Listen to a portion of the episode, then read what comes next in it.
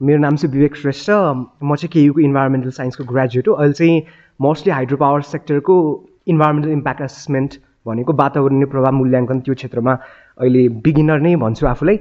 अनि अब यो डिबेट अथवा डिस्कसनमा आउनु पाउँदा चाहिँ एकदम खुसी लाग्यो र मलाई यति बेला सुरुमै चाहिँ के याद आयो भने ज्यारेड डायमन्ड एकदम आइकनिक अथर रिसर्चर प्रोफेसर पनि हुनुहुन्छ उहाँ चाहिँ। उहाँको एउटा बुकहरू धेरै नै छ। यो ecological crisis anthropocene climate change सबैको कन्सिक्वेन्सेसहरूको हिस्टोरिकल एभिडेन्स एनालिसिसहरू हुन्छ उहाँको बुकहरू जस्तै कोल्याप्स भन्ने छ गन्स जम्प्स एन्ड स्टिल्स त्यो बुकहरू छ। तर त्यो बुकको भन्दा पनि मैले एउटा उहाँको चाहिँ एउटा पर्सनल के भन्न लागेको भने उहाँले चाहिँ आफ्नो रिसर्च चाहिँ गल ब्ल्याडरको फिजियोलोजीमा गर्नुभयो अरे होइन? गल ब्ल्याडर भनेको पित्तथैली।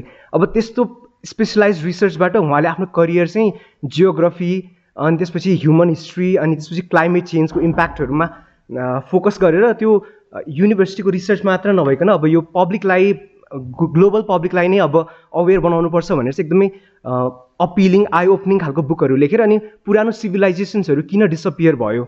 कतिमा क्लाइमेट चेन्ज पनि कारण थियो होइन? अनि त्यसपछि क्लाइमेट चेन्ज त अब अहिले मात्र भइरहेको होइन पहिला पनि भएको थियो।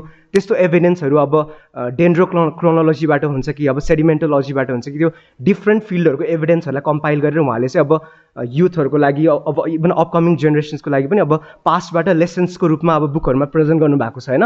अब भनेपछि climate change is a serious phenomena है। अब चाहिँ इन्क्रिजिङ त्यो एक्सेप्टेन्स पनि बढिरहेको छ। यो जेनेरेसनमा क्लाइमेट चेन्ज छैन भन्ने चाहिँ अब त्यो कन्फ्युजन छैन पनि। अनि त्यसपछि मैले आफैले अब फिल्डहरू जाँदाखेरि चाहिँ अब धेरै ठाउँहरूमा चाहिँ अब कस्तो देखिरहेको हुन्छ भने हाम्रो सेटलमेन्टहरू जुन कतिपय सेटलमेन्टहरू त अब पहिलेदेखि नै एकदम भलनरेबल लोकेसनहरूमा छ र कतिपय सेटलमेन्टहरू चाहिँ अब पहिला त्यति भलनरेबल नभए पनि अहिले चाहिँ त्यो क्लाइमेट चेन्ज मात्र नभइकन अब सर्ट रेन्ज क्लाइमेटिक फेनोमेनाहरूले पनि अलिकति झन् झन् भलनरेबल हुँदै गएको कि जस्तो मलाई लाग्यो। फर इन्स्टेन्स म लास्ट इयर र यो इयर पनि अब डोल्पामा गएको थिएँ अनि त्यहाँ अब दुनै तपाईँले हेर्नुभयो भने चाहिँ अब ठुली भेरीको किनारमा छ होइन? अनि त्यसपछि ठुली भेरीबाट अब रिभरको अब एभरेज अब ने हामीले अब अन्दाज गर्दाखेरि तिन चार मिटरको डिफ्रेन्स होला भनौँ न अब एभरेज रिभरको लेभलभन्दा माथि। तर त्यहाँनिर चाहिँ अब सेटलमेन्ट अब जिल्लाको सदरमुकाम भनेको अब हिमाली जिल्लामा पहाडी जिल्लामा सेटलमेन्ट मोस्टली त्यस्तै ठाउँहरूमा कन्सन्ट्रेटेड हुन्छ। अब सरकारी कार्यालय हस्पिटल सबै त्यहीँ हुन्छ। इभन त्यहाँ एउटा प्रिजन पनि छ होइन? अब इमेजिन कि त्यहाँ अब एउटा कुनै अनलाइक एउटा अनयुजुअल वेदर इभेन्टले गर्दाखेरि एउटा फ्लड आइदियो। एभरेज फ्लड लेभल भन्दाखेरि अब तिन चार मिटरभन्दा बढी नै पानी बढिदियो भने पनि त्यहाँ अब कुन लेभलको क्याटास्ट्रफी हुनसक्छ?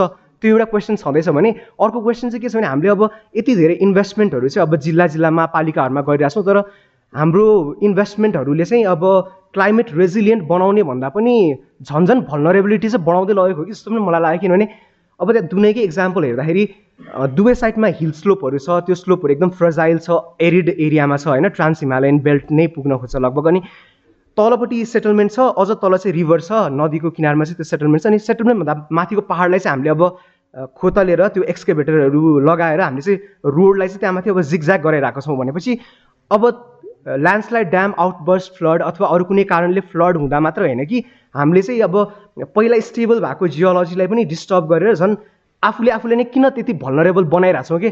अब मैले चाहिँ त्यो दुनै पुग्ने बित्तिकै मेरो फर्स्ट इन्स्टिङ भनेको चाहिँ यस्तो भलरेबल सेटलमेन्टमा चाहिँ हामी किन बसिरहेछौँ अझै पनि?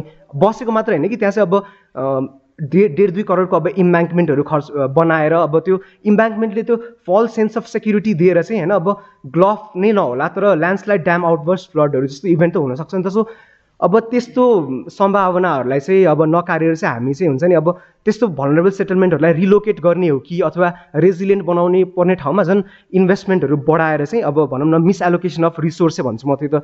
त्यसमा अब कतिपय लोकल पोलिटिसियन्सहरूको इन्ट्रेस्टले गर्दाखेरि अब इम्ब्याङ्कमेन्ट कसले बनाउने कसले ठेक्का लिने होइन कतिमा बनाउने त्यस्तो इस्युजहरू पनि हुँदो रहेछ। त्यहाँ अब त्यस्तो थाहा पायो। अब सो अब एकदमै कम्प्लेक्स इस्युलाई चाहिँ हामीले झन् झन् अब कम्प्लि कम्प्लिकेट गर्दै गइरहेको छौँ कि अनि अर्को चाहिँ हाम्रो नेसनल लेभलमा चाहिँ कहिलेकाहीँ हाम्रो अब दुईवटा डुङ्गामा खुट्टा राखेको कि जस्तो पनि लाग्छ मलाई कतिपय पोलिसिजहरू हेर्दा। अब हामीले अब ग्रिन क्लाइमेट फन्ड अथवा अरू क्लाइमेट फन्ड इन्भाइरोमेन्टल फन्डहरूबाट अब यति मिलियन अरू बिलियन डलरहरू ल्याएर चाहिँ अब फेरि गर्ने कि होइन सिधै हामी यति मिलियन ट्रिज रोप्छौँ भन्छौँ होइन। अरू फर्म्स अफ एडप्टेसन मिटिगेसनमा नगइकन सिधै अब जुन चाहिँ अब अलिकति अपिलिङ छ त्यसमा मात्रै गइरहेछौँ अनि अर्को डिरेक्सनमा चाहिँ अब त्यो फन्ड पनि युटिलाइज गरिरहेछौँ तर अर्को डिने डिरेक्सनमा हामी चाहिँ अब इकोलोजिकल्ली डिभास्टेटिङ प्रोजेक्ट्सहरू वान बाई वान कि अब निजगढ मात्र होइन कि अब पेट्रोलियम पाइपलाइन पनि एउटा मात्र होइन कि अब हामीले दुई तिनवटा अझ प्लान गरिरहेछौँ होइन। अब इलेक्ट्रिक भेहिकल बढाउने नि भन्दैछौँ फेरि फोसिल फ्युल कन्जम्सनलाई कसरी फेसिलिटेट गर्ने भनेर त्यो डिरेक्सनमै गइरहेछौँ होइन। अनि अब नेसनल पार्क र प्रोटेक्टेड एरियाजको थ्रुबाट हामी चाहिँ अब